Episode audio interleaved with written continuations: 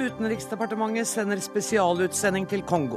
Diplomatisk høytrykk for å få en rask avklaring på hva som skjer med drapstiltalen mot Joshua French. Helseministeren vil ikke ha en ekstern gransking av Oslo universitetssykehus. Han har blitt byråkratenes ansiktsløse ansikt, mener Rune Slagstad. Olav Thon danner stiftelse og gir bort millioner. Turbokapitalisme inn i det hinsidige, mener én redaktør. Smålig og misforstått kritikk, svarer en annen.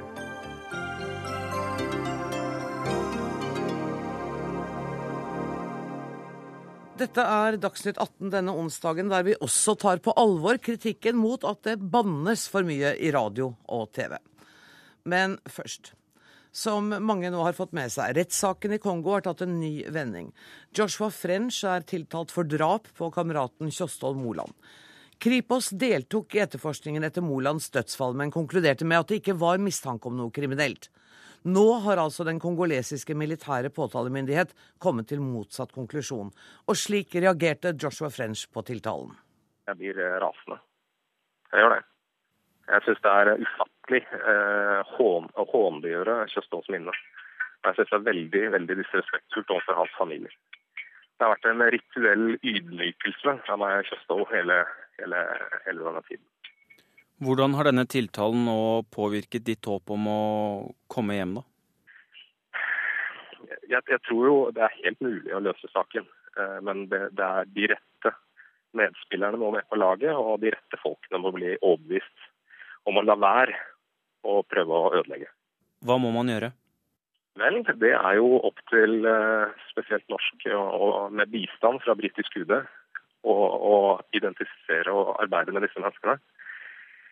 Eh, og det har jeg tiltro til at de klarer. Eh, jeg er veldig imponert over norsk UD og norske statens eh, bistand. Jeg tar ikke det som noen selvfølge, så jeg kan ikke vant til å si at jeg er veldig takknemlig. Og ja, jeg, må også påpeke det at det er, det er en ekstremt komplisert sak. Jeg, jeg, vet at det er det. Men og, og, og enten så må man la være å løse den helt, da det er min undergang. Eller så må man gi alt for å løse den. Eh, og da er den jo endelig løst òg. Det var reporter Runar Jørstad som hadde snakket med Joshua French på telefonen fra Kinshasa. Hans Marius Gråsvold, du er bistandsadvokat for eh, Joshua French, og du har hatt møter med Utenriksdepartementet i ettermiddag. Er det noe substansielt nytt i saken? Eh, ja, ikke som har brakt saken fremover, men eh, nå er det jo et eh, vaktskifte, for å si det sånn, mellom det som hittil har vært UDs spesialutsending og Kai Eide, som da kommer ned og avløser ham. og det er vi svært, svært glad for. Nå velger UD å sende en av sine mest erfarne diplomater. Det er svært gledelig, som vi hørte French sa her i sted. Det setter han stor pris på. Det er jo etter vårt syn også helt nødvendig eh, at man nå setter inn det tyngste skyts man har for å få løst saken. Ja, er det det diplomatiske sporet som må følges, heller enn det rent juridiske? Begge deler. Eh, dette er en sak som det fra dag én har vært veldig vanskelig å, å, forholde seg til. Og igjen, som French var inne på, er det også vanskelig å finne ut hvem som er de rette beslutningstakerne.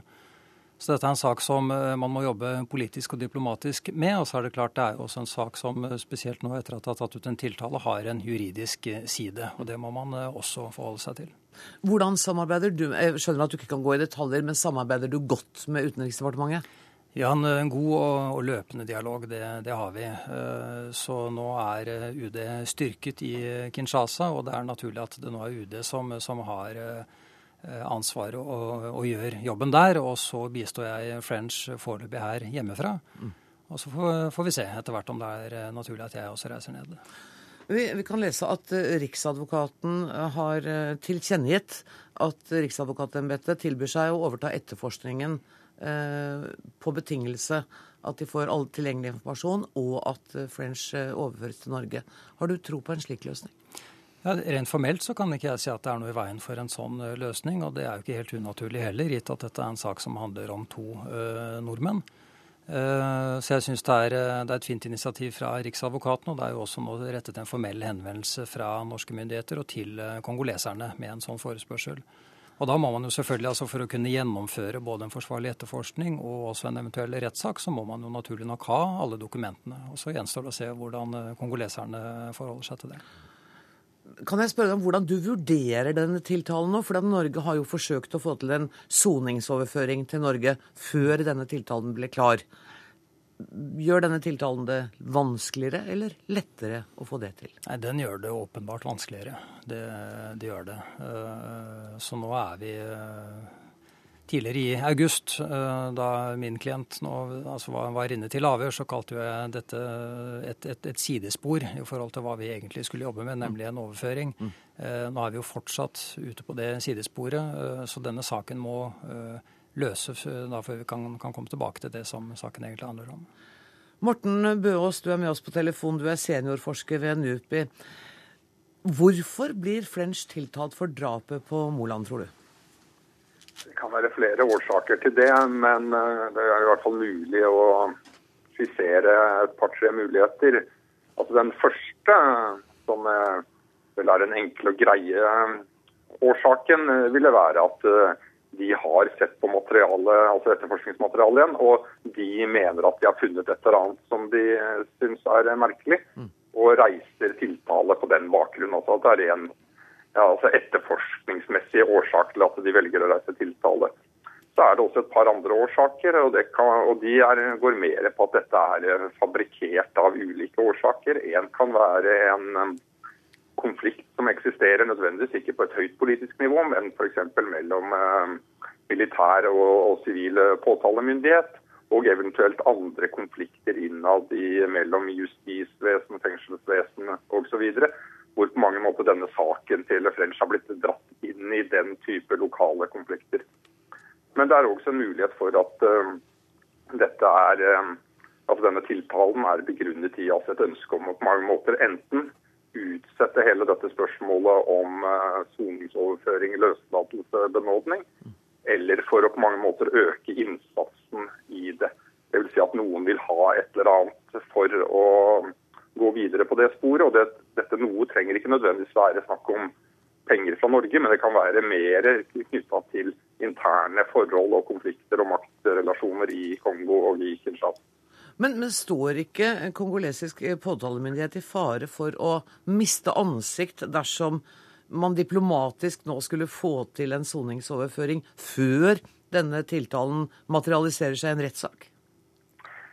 Ja og nei, jeg er ikke så sikker på det. For at I og med at nå tiltalen er sluppet ut av den sekken den må ha ligget i, så tror jeg nok det fører til at hele dette spørsmålet om soningsoverføring dessverre nok blir satt på vent mm. til eh, denne eventuelle floken her har blitt eh, løst ut. Så Det gjenstår det å se nå om det går fra tiltale til at de faktisk reiser en sak.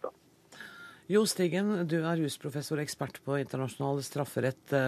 Tiltalen foreligger. Kommer det til å bli reist en straffesak, tror du?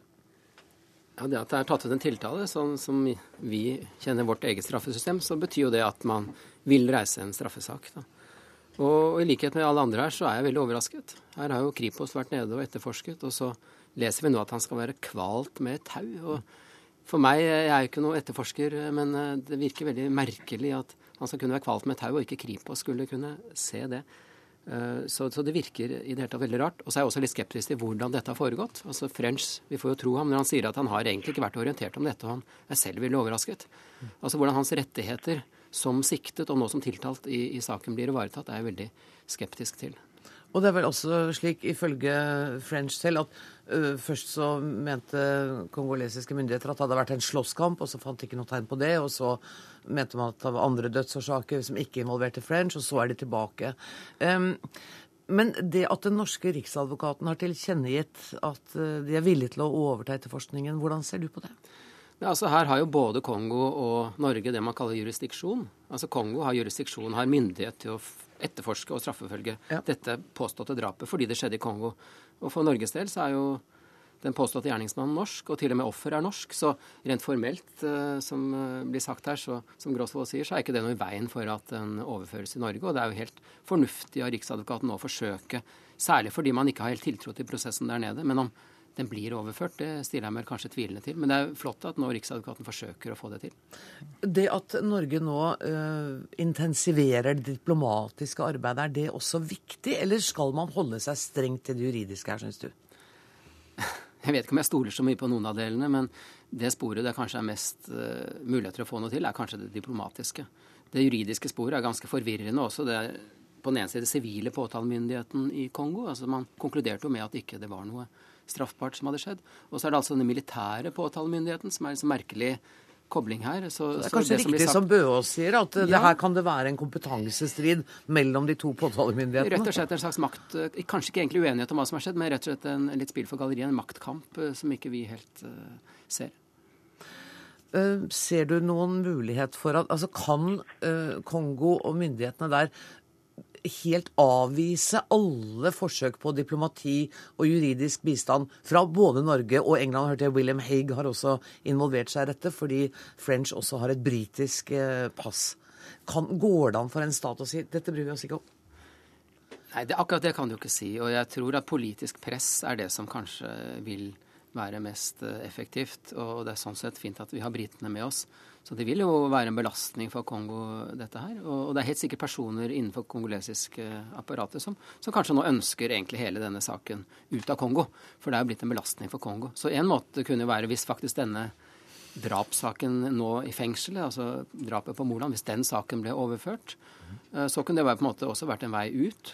Nettopp uten at eh, kongoleserne mister ansikt? Uten at de mister sånn ansikt. Uten at man da egentlig stiller spørsmålstegn ved den forrige rettssaken. Og så blir saken overført til Norge, og så blir han frikjent etter Blir kanskje ikke reist eh, til sluttsak etter at påtalemyndigheten må vurdere det på selvstendig grunnlag i Norge. Så det kunne vært en vei ut, faktisk også. Bøås, er det en, en mulig løsning, slik du ser det også? Jeg er noe usikker eh, på det. for at uh, altså Problemet Da blir denne saken også en politisk sak i Kongo. og Det er en dimensjon som vi ikke helt kan hoppe bukk over her.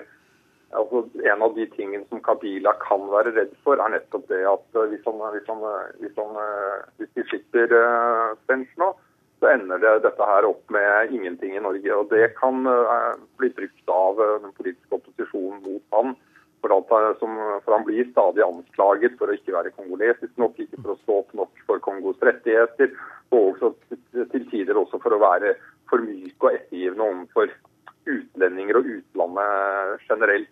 Så jeg er noe usikker på hvor eh, på mulighetene av, av, det sporet. Jeg tror nok denne saken må finne sin løsning i Kongo og ikke i Norge. Mm. Gråsvold, eh, det er jo både diplomatisk, juridisk og også politisk ganske vanskelig farvann. Eh, men du vurderer også om du skal reise ned? Eh, ja, det gjør jeg. Og det er jo altså så fremt det er behov for at jeg som advokat er der, så, så kommer jeg til å, å, være der. Men jeg er helt enig i det som er sagt. Det er en ekstremt vanskelig situasjon. Og det er jo også sånn at vi per i dag har en interimsregjering der nede som sitter. Det, er, det vil være skifter nå om ikke så lenge. Eh, og vi skal ikke se bort fra at det også preger eh, denne saken. her. Sånn. Så, men igjen, vi har eh, gode folk på bakken der nede nå, så, så vi får vente og se. Det var så langt vi kom i denne Dagsnytt 18-utgaven. Tusen takk for at dere var med. Jo Stigen, Morten Bøås og bistandsadvokat Hans Marius Gråsvold. Hør Dagsnytt 18 når du vil, på nettradio eller som podkast. nrk.no – dagsnytt 18.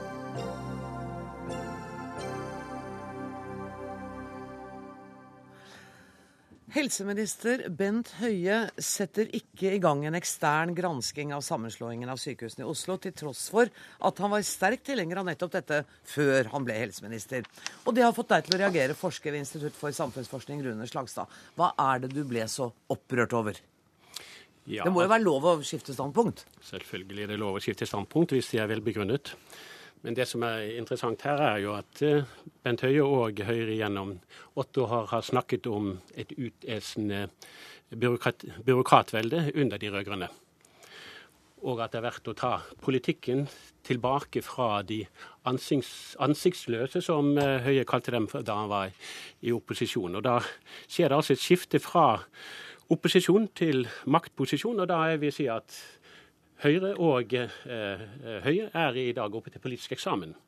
Og har Høie og eh, Høyre gjort hjemmeleksen? Og dagens besvarelse, oppgave, er jo hvorfor i all verden har, er dette gigantsykehuset satt, satt i gang. Det største i Nord-Europa. Eh, sikkert i samsvar med noen organisasjonsmodeller, kanskje fra sovjet, sovjetbyråkratisk karakter, men stemmer ikke med terrenget. Altså fusjonen av eh, Radiumhospitalet, Rikshospitalet, Ullevål og Aker, som ble etablert i 2001, 2009, og som skulle samlokaliseres i løpet av få år på Gaustad. Det har ikke skjedd. Det skulle være en bedre funksjonsdeling. I noen henseender har det jo blitt det, men det er mye langt fra det som kan rettferdiggjøre store skikt, den store eh, fusjonen.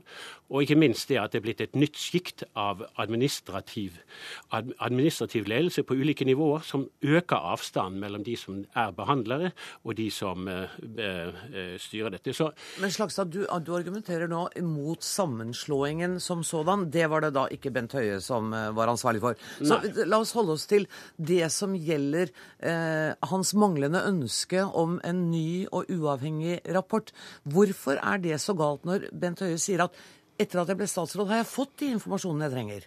Det er vel overraskende at han i løpet av noen dager har fått satt seg inn i det, det han sa da for, eh, for, bare et år siden etter at Riksrevisjonens forrige rapport var, gjorde en uavhengig gransking enda mer aktuell. Og det som, det som, er poenget er, Det har jo vært en ulike tilsynsrapporter fra fylkeslegen, fra de ansatte har kommet med bekymringsmeldinger, og Riksrevisjonen har kommet med en i fjor og en også i år, som gjør etter mitt syn det standpunkt Høie hadde i høsten 2012, enda mer mer, enda mer eh, aktuelt. Så det, det, og Poenget er ikke i og for seg, Vi har jo rapporter som viser at det er mye som ikke fungerer. Noe fungerer, men mye som ikke fungerer. Men det er selve den organisatoriske prosess dette, og, og, forholdet mellom politikere og byråkratene som har tatt styringen i hele dette prosjektet, og, og politikerne langt på vei har abdisert. Har du abdisert, helseminister? Nei, på ingen som helst måte. Forklar hvorfor du har forandret standpunkt. Jeg tror kanskje at Slagstad og jeg hadde helt to vidt forskjellige utgangspunkt for vårt ønske om en uavhengig gransking for eh, et år siden. Mitt utgangspunkt den gangen var eh, to. Det ene var eh, knytta til pasientsikkerhet, altså få svar på spørsmålet eh, unaturlige dødsfall eh, på sykehuset. Det andre var eh, som selve gjennomføringsprosessen, hva det har hatt å si for de ansatte, for forholdene på sykehuset, og status for det arbeidet for å kunne se framover. Eh, når jeg hører Slagstad argumentere, så er han mer opptatt av å kunne skrive historien om noe som gikk, gikk galt. Den har jeg lagt bak meg. Eh, for det første så er den regjeringen som hadde ansvaret for dette, tapt et valg og gått av. Eh, jeg er opptatt av å se framover. Og da sa jeg som første svar på spørsmålet etter jeg ble helseminister, vil du igangsette en uavhengig gransking? Så sa jeg det har jeg helt åpent sinn til fortsatt, men jeg vil gå inn og se på hva er igangsatt av arbeid for å få svar på disse spørsmålene. Da så jeg at Riksrevisjonen skulle komme med en rapport. Den har de nå kommet med. Eh, Oslo universitetssykehus har satt i gang en eh, egen forskning knytta til alle unaturlige dødsfall i 2011. De skal gjøre det samme for dødsfallene i 2012. Og Sintef har en følgeforskning på selve fusjonsprosessen som vi får i 2015. Altså, de spørsmålene jeg var opptatt av for ett år siden, de har vi enten fått svar på eller i ferd med å få svar på. Og Er det noe jeg ikke liker som Høyremann, så er det dobbeltarbeid. Og det slags det jeg ber meg om, det er enten å sette i gang et dobbeltarbeid, det syns jeg er unødvendig, eller så er det drive en historisk granskning for å peke ut syndebukker. Det er ikke jeg så veldig opptatt av. Eh, og det registrerer jeg at det er heller ikke Stortinget så veldig opptatt av. Vi har hatt en god, positiv, fremtidsretta debatt om dette i dag, som handler om det vesentligste, nemlig hvordan skal vi sørge for at Oslos hovedstadsområde sin befolkning får et godt sykehustilbud i framtiden. Ja, det er jo ikke snakk om, eh, om, å se bakover, det er snakk om å lære.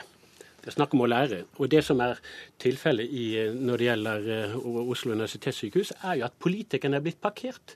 Det er byråkratene, de ansikts, det du i opposisjon kalte de ansiktsløse byråkrater, som har tatt styringen fullstendig med det. Uh, Jan Bøhler, som hadde interpellasjon i Stortinget i dag, han sa jo på et åpent møte her for, for ikke lenge siden at han, da han var en helsepolitisk leder for Arbeiderpartiet, fraksjonen, i 2008, at han, han skjønte ikke rekkevidden av funksjonen. Hva den, hva den innebar.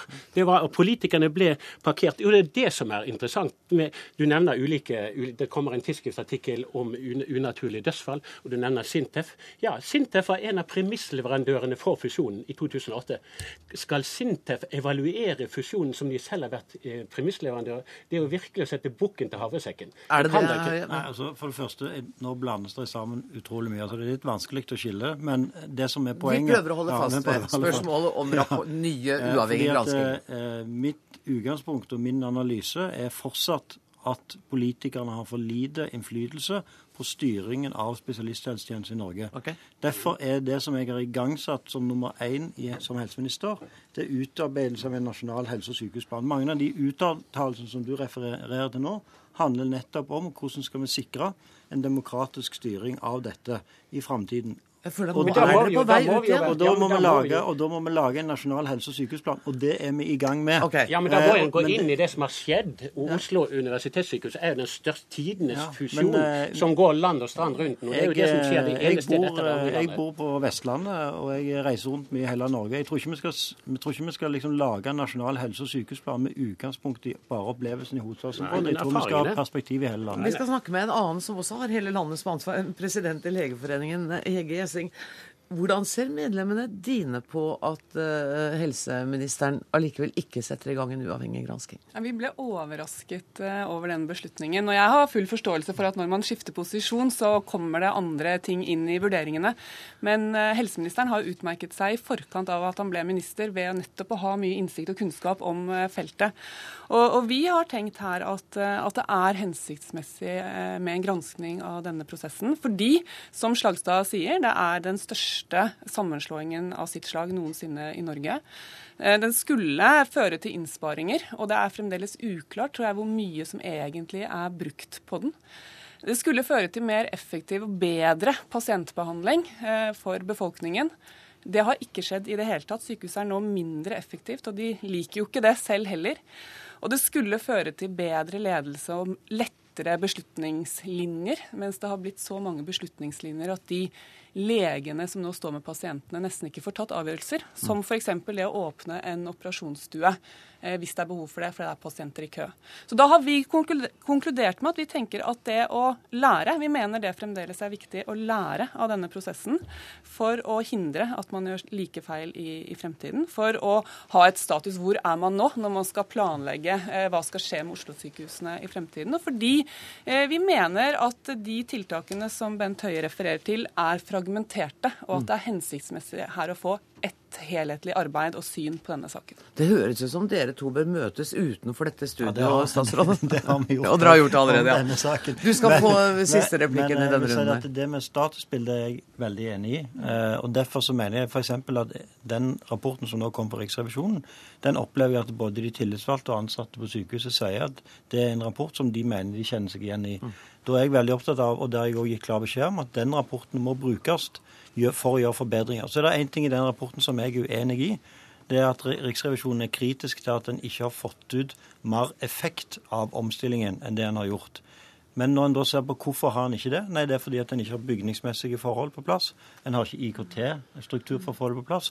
Og hvis vi hadde, eller jeg nå hadde forlangt at nå skal vi ha effekten av omstillingen på plass i løpet av kort tid, da hadde i realiteten pålagt Oslo universitetssykehus å foreta dramatiske endringer som hadde gått sannsynligvis utover pasientsikkerheten og gjort det enda vanskeligere for de ansatte. Så Derfor har det vært Vi er fornuftig nødt til å å bruke litt mer tid enn det en hel haug med andre gjester. Men kan jeg bare spørre deg helt til Ja. slutt? Du har ikke snudd om igjen nå i løpet av denne samtalen i Dagsnytt 18? sånn at det blir en jobb? Nei, du har ikke det. Ok, Tusen takk for at dere kom i studio, Rune Slagstad, Bent Høie og Hege Gjessing.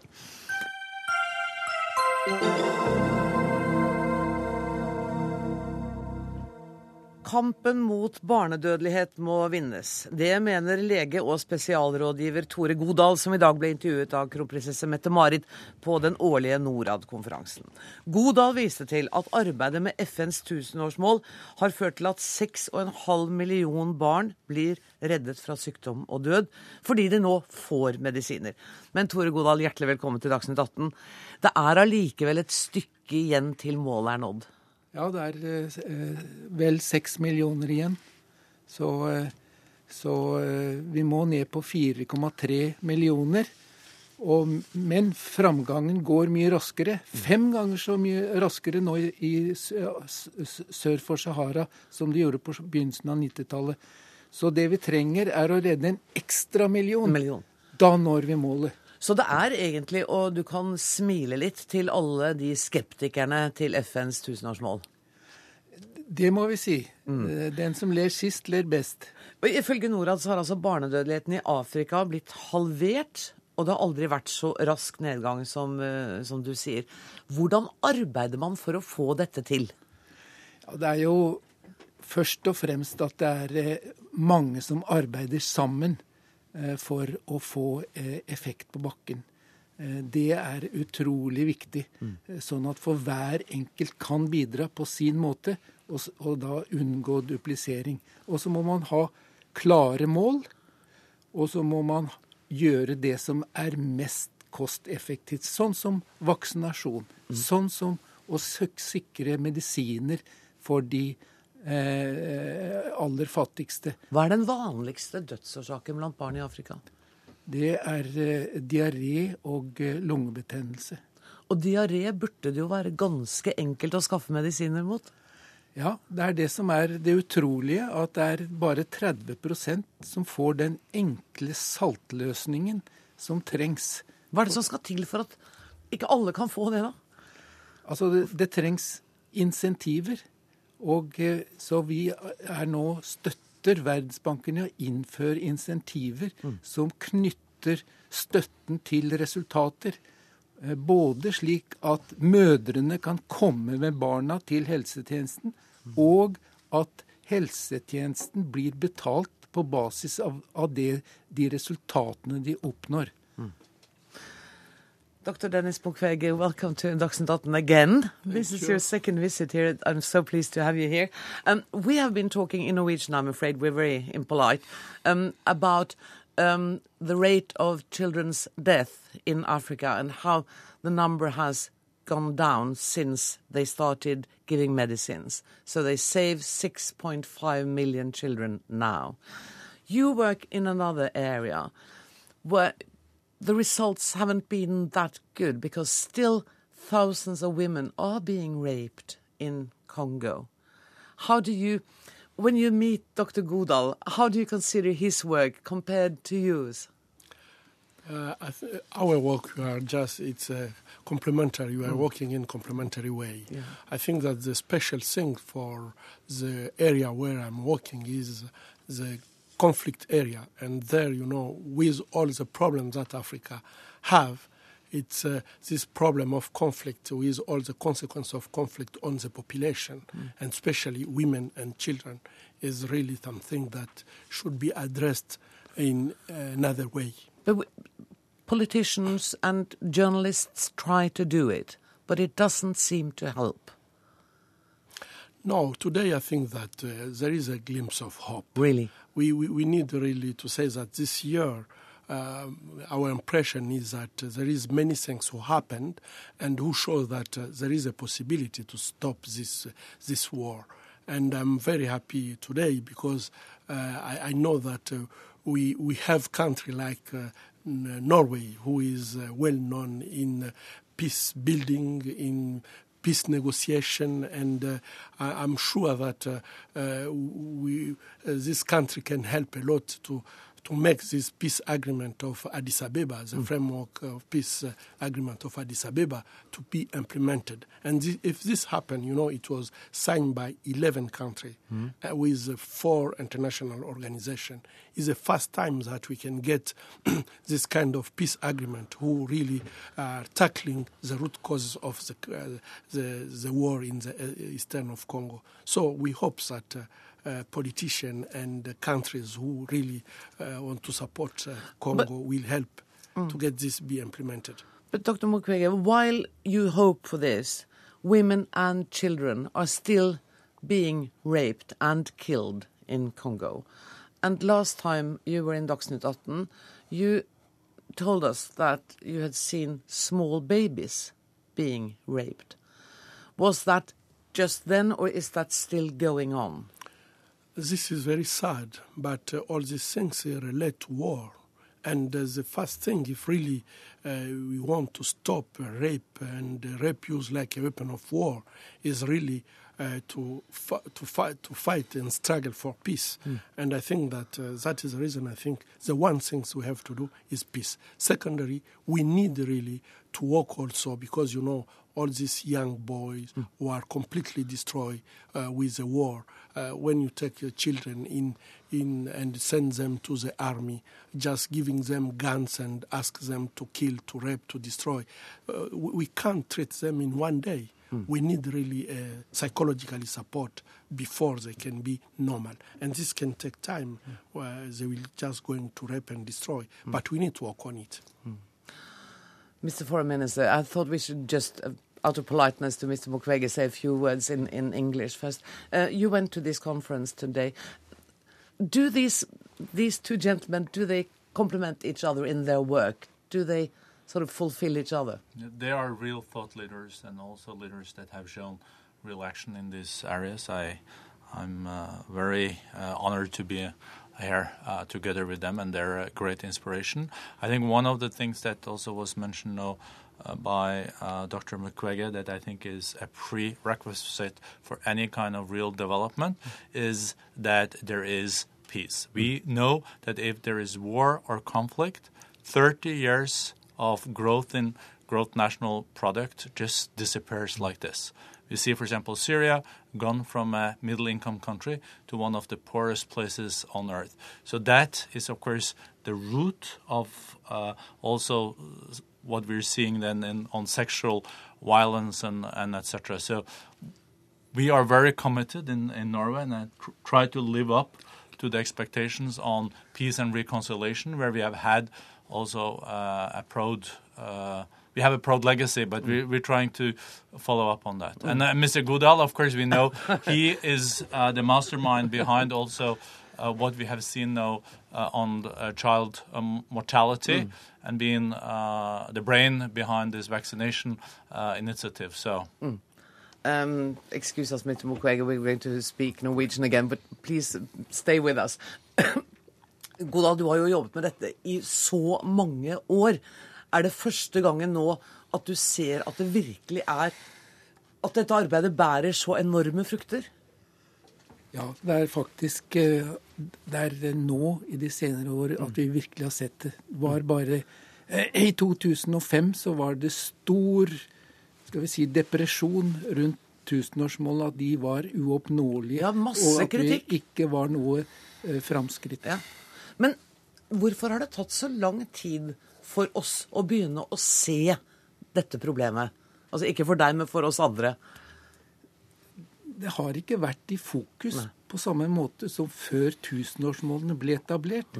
Og så er det det at før tusenårsmålene så hadde vi ørkesløse diskusjoner om hva prioritetene skulle være. Etter at vi fikk de målene, så var det ikke diskusjon lenger. Da kunne vi snakke om handling. Gjør Norge nok der, utenriksminister? Først må jeg jo si det at eh, disse tusenårsmålene som ble etablert i år 2000, og vi ser f.eks. også på eh, ekstrem fattigdom, at vi har nå greid å halvere den før tida. Det var jo ingen som trodde, i hvert fall veldig få, i 2000. Eh, og det er derfor vi må bruke dette nå til også eh, være ambisiøs eh, i årene fremover. Der kommer det inn Gjør Norge nok? Vi vil stå på for at vi nå skal få nye målsetninger som tar utgangspunkt i at i 2030 så skal vi ha utrydda all ekstrem fattigdom fra jorda. Noen vil sikkert si at det er altfor ambisiøst også, men dette er mulig hvis vi går sammen og legger opp den samme type bevisst planlegging, og hvor vi ser alle sektorene under ett. Helse henger sammen med utdanning. Det er klart Skal vi få gjort noe med diaré, så må vi også ha rent drikkevann, for det er jo kilden til mye av eh, de dødsfallene som er knytta til diaré. Og kvinners situasjon og kvinners utdanning. Muligheten til skole, som dere også har vært opptatt av. Utdanning av kvinner som Det er jo noe som er utrolig Noe jeg brenner veldig for, og det som vi må Så fint at jeg sa det, da. Ja, ja, nei, det, jo, men det som jeg lærte i dag da, på denne konferansen, for man lærer jo ting også, i hvert fall er for noen som er så fersk i jobben som meg. Det som jeg lærte, er jo at vi må rett og slett eh, også lære av de gode resultatene innenfor helse. Mm. På utdanning så har målene vært mer utydelige. og det er ikke så lett å måle resultatene. Så det tar jeg med meg fra dagen i dag. Så det har vi satt i gang arbeidet med allerede. Og så trenger du flere folk som dette her. Ja. This is, I, I, this is you're, you're my inspirations and the top leaders. Thank you, gentlemen. Thank you so much for coming to Dagsnytt 18. Uh, thank you. Tore Godal, Dennis Mukwege og utenriksminister Børge Brende.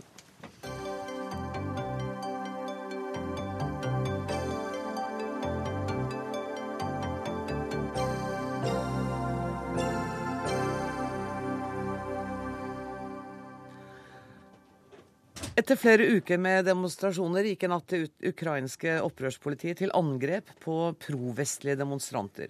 USAs utenriksminister John Kerry fordømmer angrepet og kaller det avskyelig. Det samme gjør EUs utenrikssjef eh, Catherine Ashton. Og Norges ambassadør til Ukraina, Jon Fredriksen, du er med oss på telefon fra Kiev, der du natt til i dag og i løpet av dagen i dag har vært ute og observert situasjonen. Hvordan har det vært? Vi har vært ute, ikke bare jeg, men også andre medarbeidere på ambassaden, og, og observert eh, ved selvsyn det som eh, skjedde både i natt og det som har skjedd utover dagen i dag. Og selvfølgelig også snakket med mange andre som har vært til stede. og Det har jo vært en, en, en relativt uoversiktlig situasjon. fordi at, eh, som du nettopp sa, så, så, var det slik at i, i natt så gikk det da store innenriksstyrker, politistyrker, opp mot Uavhengighetsplassen, der hvor demonstrasjonen har foregått. De begynte å demontere barrikadene. Og det kom til, til eh, sammenstøt og, og knuffing med eh, demonstranter. Jeg vil ikke si at, at det var kamper, men, men, det kom til knuffing, og det er jo enkelte personskader også. Mm. Eh, men målet var åpenbart å rydde barrikadene. Men så har vi da sett i løpet av dagen i dag at politiet har trukket seg helt vekk. Og, og når vi var ute og, og, så for en stund siden, så var det bokstavelig talt ikke politi å se. Betyr det at så, politiet trekker seg tilbake for kanskje så å forberede en større offensiv, eller? Det er veldig vanskelig for oss å si noe om, men akkurat nå så tyder det ikke på det. Nå i ettermiddag så har jo da eh, president Janukovitsj eh, kommet ut eh, eh og holdt en tale hvor han har forsikret om at eh, politiet ikke vil bruke vold mot demonstrantene. Han har også invitert for første gang da direkte opposisjonen til eh, et rundebord, til forhandlinger. og, og ønsker at de skal si ja til det. Eh, opposisjonen, som eh, jo har tatt ledelsen for demonstrasjonene, har så vidt jeg har registrert, ikke svart på det ennå. Mm. Men i hvert fall så er invitasjonen kommet. Så vi må jo tro og håpe at det betyr at det ikke vil bli brukt ytterligere makt mot demonstrantene, som fremdeles står i titusentall på uavhengighetsplassen. Bjørn Engesland, generalsekretær i Helsingforskomiteen. Dere følger jo situasjonen i Ukraina tett. Hvordan vurderer du alvoret? Jeg oppfatter jo fortsatt situasjonen som, som dramatisk eh, og som eh, helt uh, uavklart. Det har roet seg litt ned i, i dag, men det er, det er, veldig vanskelig å spå hvordan dette vil utvikle seg. Om vi vil se en, en mer tilspisset situasjon med, med, mer maktbruk, eller om det nå vil bevege seg i en retning med, med forhandlinger men det virker jo som om Janukovitsj nå har strukket ut en hånd og sagt at han er villig til å møte demonstrantene. Er det eh, en hånd de bør eh, strekke seg mot? Ja, de, de, de, bør vel for så vidt det. Jeg, jeg tenker vel at det er, det er, klokt av den sittende presidenten å ta noen forsonende skritt nå mm. for å markere at han mener alvor med et slikt uh, utspill, og, og med et, et, utspill i retning av av, eh, av, dialog med opposisjonen. For Det virket jo en stund som om han ikke helt forsto alvoret i situasjonen i sitt eget land da han reiste til Kina mens eh, opprøret var på det hete den gang. Eh, har, har, er det tegn som tyder på at nå har han sett det? Han opplever nok et veldig, et veldig press. Eh, og det, er jo en, det gir jo et veldig sterkt inntrykk å se tusenvis av mennesker som samler seg dag etter dag, og for så vidt natt etter natt, i, i vinterkulden i Kiev for med demokratiske virkemidler å forsvare det de oppfatter som demokratiske verdier, og landets uavhengighet, og for så vidt også en tilnærming da til, til Europa og EU. For hvis, hvis, det ikke kommer til noen dialog mellom de to partene, det er vel flere mm. parter, men la oss grovt sett si det, ja. um, kan det bli en brutalisering av situasjonen?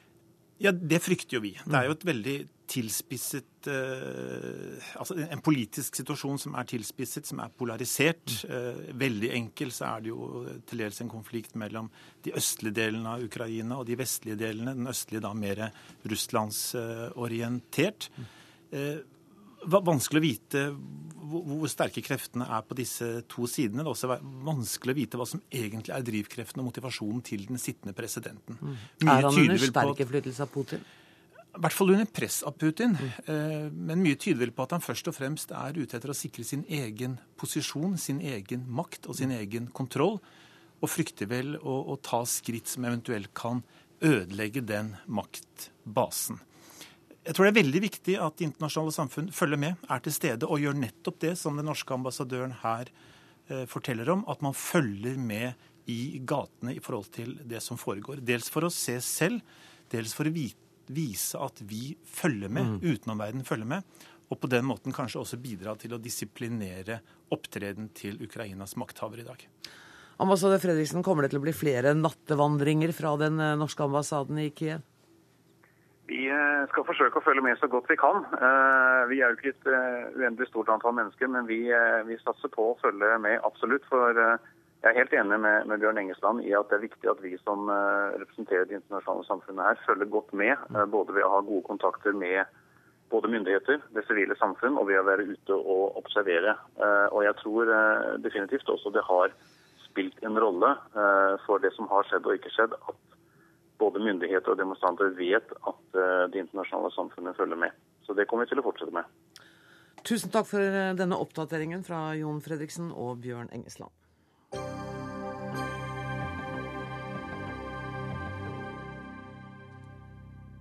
Det vanket eh, hyllest og mange godord da det ble kjent at Olav Thon oppretter en stiftelse som bl.a. skal gi midler til allmennyttige formål. Om lag 25 milliarder kroner får stiftelsen for å drive et stabilt eierskap i Olav Thon-gruppen AS og underliggende virksomheter. Mens minst 50 millioner kroner årlig skal, ikke minst, men inntil 50 millioner kroner årlig, skal gå til forskning og andre gode formål. Men uh, Mimmi Kristiansson, redaktør i Manifest tidsskrift, du er ikke imponert over dette. Hvorfor ikke det? Jeg er ikke imponert over dette fordi at uh, Olav Thon på denne måten har sikra seg to ting. Det ene er at han har forsøkt å sikre seg et evigvarende monument over seg sjøl eh, ved å kontrollere sin formue også etter sin død. Det er ikke å gi bort en formue, det er å tviholde på kontrollen over han. Og så er jeg ikke imponert fordi at ved å organisere formuen sin på denne måten, så vil denne formuen få en betydelig lavere skatt enn dersom den var eid på en annen måte. Og dermed så står fellesskapet igjen som en taper, som kan tape flerfoldige millioner i skatteinntekter. Og det vi blir avspist med i stedet, er en bitte liten del av denne formuen som skal gis til de formål Olav Thon finner for godt sjøl. Og da vil jeg bare si, eh, komme et sitat fra Olav Thon eh, om sin egen arv eh, fra en stund tilbake i A-magasinet.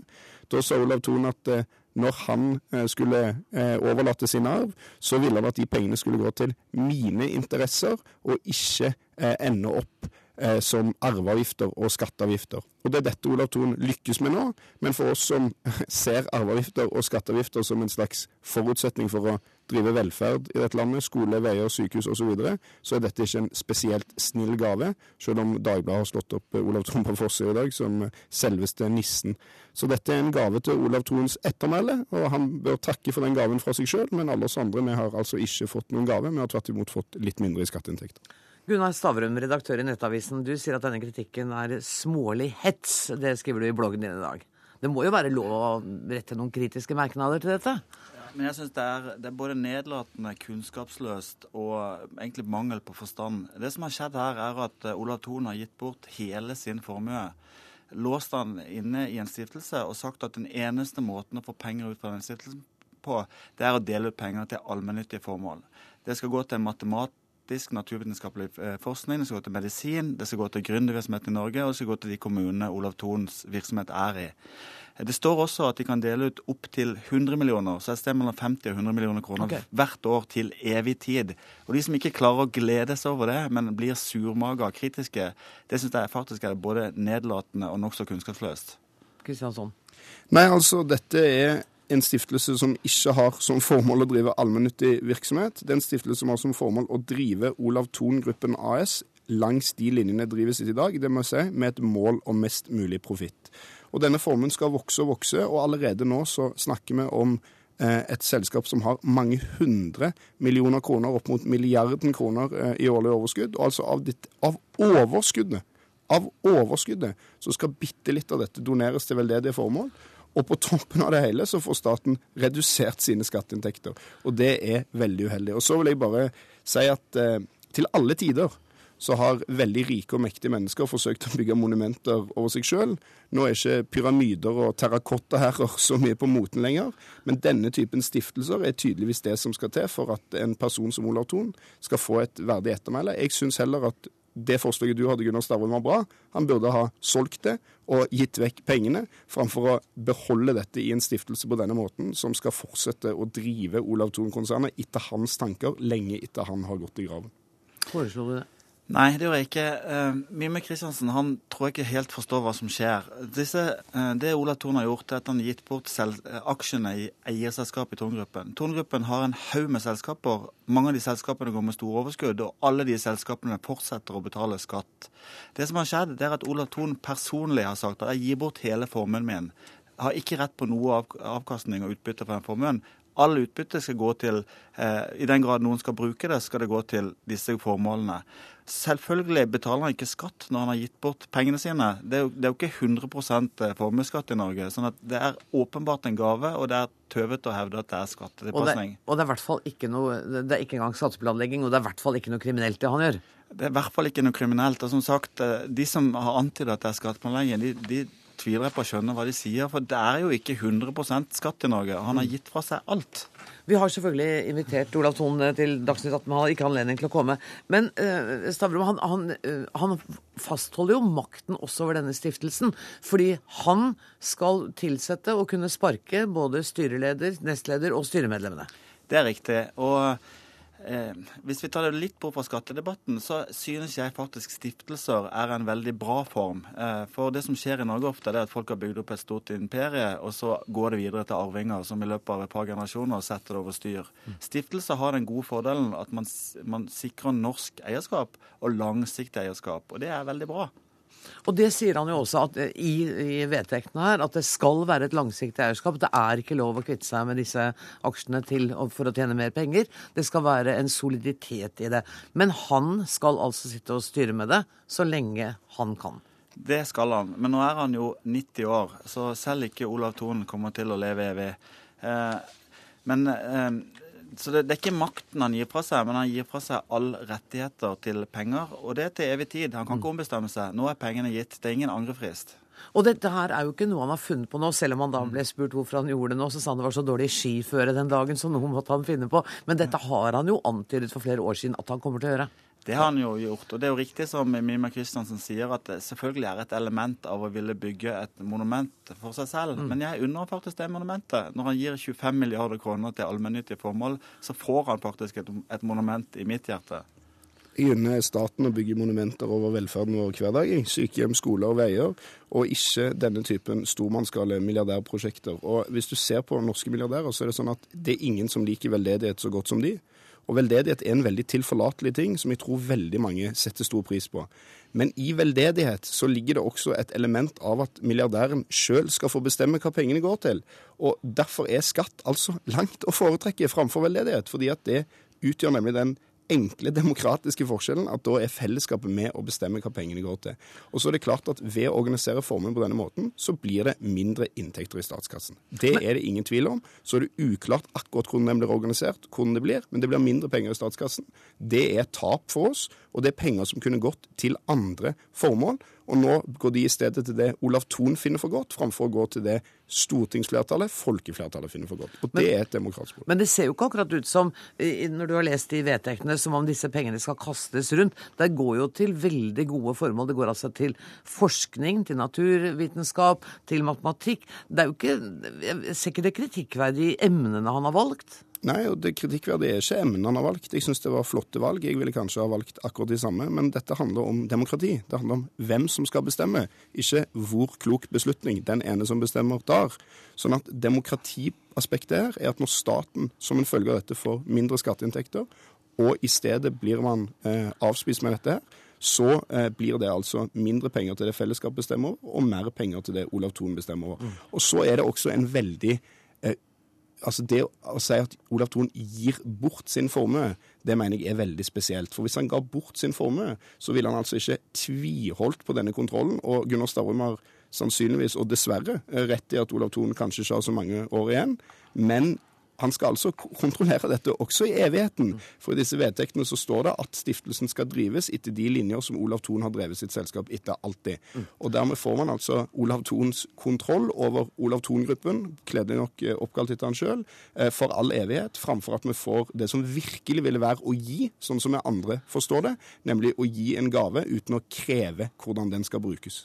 Du må få svare kort på det, Stavrum. Ja, altså, Jeg holdt på å si her eh, min tid. Altså, Selvfølgelig bestemmer Olav Thon over sine penger. Forskjellen på Mime Kristiansen og meg er at jeg syns det er rett at Olav Thon får bestemme pengene sine, og at ikke staten gjør det.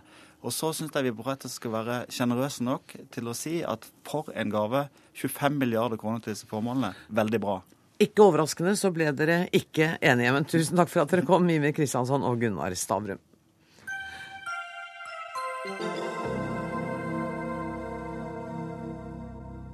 Her i NRK har vi fått rekordmange klager på banning i programmene våre i løpet av det siste året.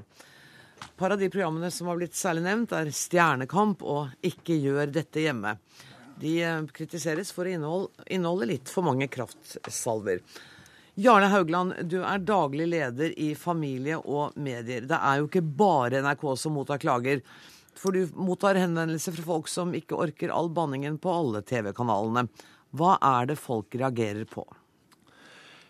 Veldig ofte så er det, er det i relasjon til, til barn, og, og, de som foreldre opplever det problematisk at barna deres skal eh, høre på disse, disse, disse, kraftuttrykkene, som du kaller det. Det er ikke kraftuttrykket i seg sjøl som er problemet, men det er banning, hvordan du enn vil definere det. Mm. Eh, og, og det, er ofte, det, det, er ikke bare foreldre, men det er også lærere. Jeg husker en gang en, en lærer som tok tak i meg, liksom innstendig ba meg om å eh, bringe budskapet til mediene at vi arbeider hver dag i skolegården for å bedre språket. Eh, og så opplever vi at mediene så til de grader motarbeider oss.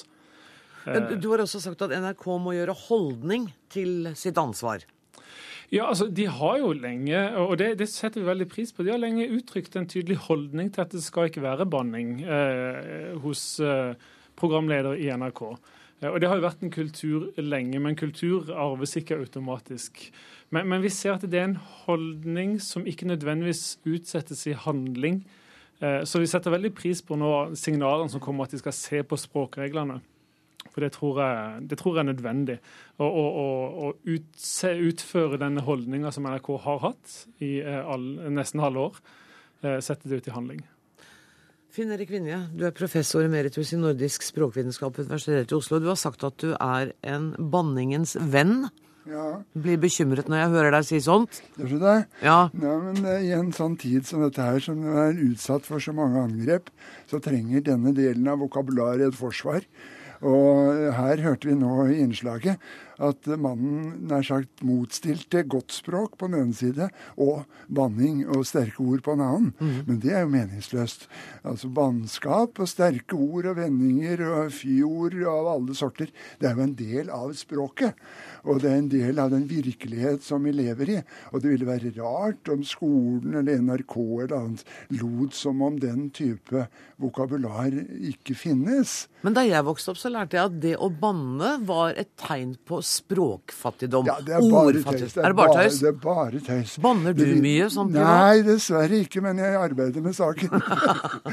men uh, nei, det er mye en temperamentssak.